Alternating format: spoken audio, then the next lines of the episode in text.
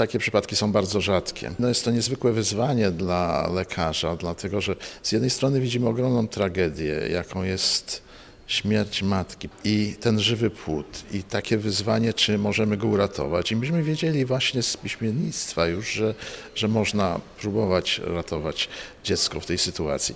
Problem był taki, że ciąża była stosunkowo wczesna, to był 17 tydzień ciąży i nie było wiadomo, czy my możemy to dotrzymać, podtrzymywanie narządów u kobiety, która praktycznie ma mózg, tak jak przypuszczaliśmy, zupełnie niefunkcjonujący. Więc tylko takie ośrodki niższe mózgu w jakiś sposób podtrzymywały bicie serca, podtrzymywały utrzymanie ciśnienia tętniczego, ale to wszystko by zniknęło, zgasło, gdybyśmy nie stosowali takiego agresywnego bardzo podtrzymywania narządów najnowszymi lekami.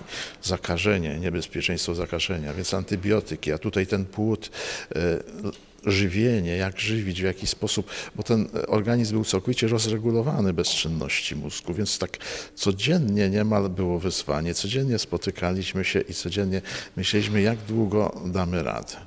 No, y, to wszystko było organizowane interdyscyplinarnie, czyli na co dzień byli neonatolodzy i byli położnicy, którzy śledzili funkcję y, dziecka i myśleliśmy, byliśmy przygotowani, że cięcie cesarskie będzie trzeba zrobić w każdej chwili, kiedy coś się zacznie dziać z dzieckiem.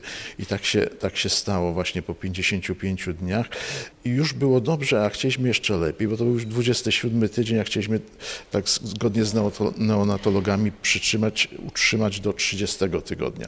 No i się nie dało, no, urodził się e, wcześniak, ale na tyle dobrze funkcjonujący, że, że on, ten e, Wojtuś, został przy życiu i ten niezwykle dzielny, e, dzielny ojciec, który był praktycznie co dnia u nas i on był nastawiony bardzo pozytywnie, to znaczy mówił, jakoś to musi być, żeby to dziecko przeżyło i rozumiał o co chodzi. Czytał nawet książki o intensywnej terapii, żeby się, żeby się poduczyć, bo przecież to jest bardzo trudne do zrozumienia dla niefachowca, jak to dziecko może żyć w organizmie, który można uznać za martwy. A tak to niestety jest właśnie w tej specyficznej sytuacji śmierci mózgu.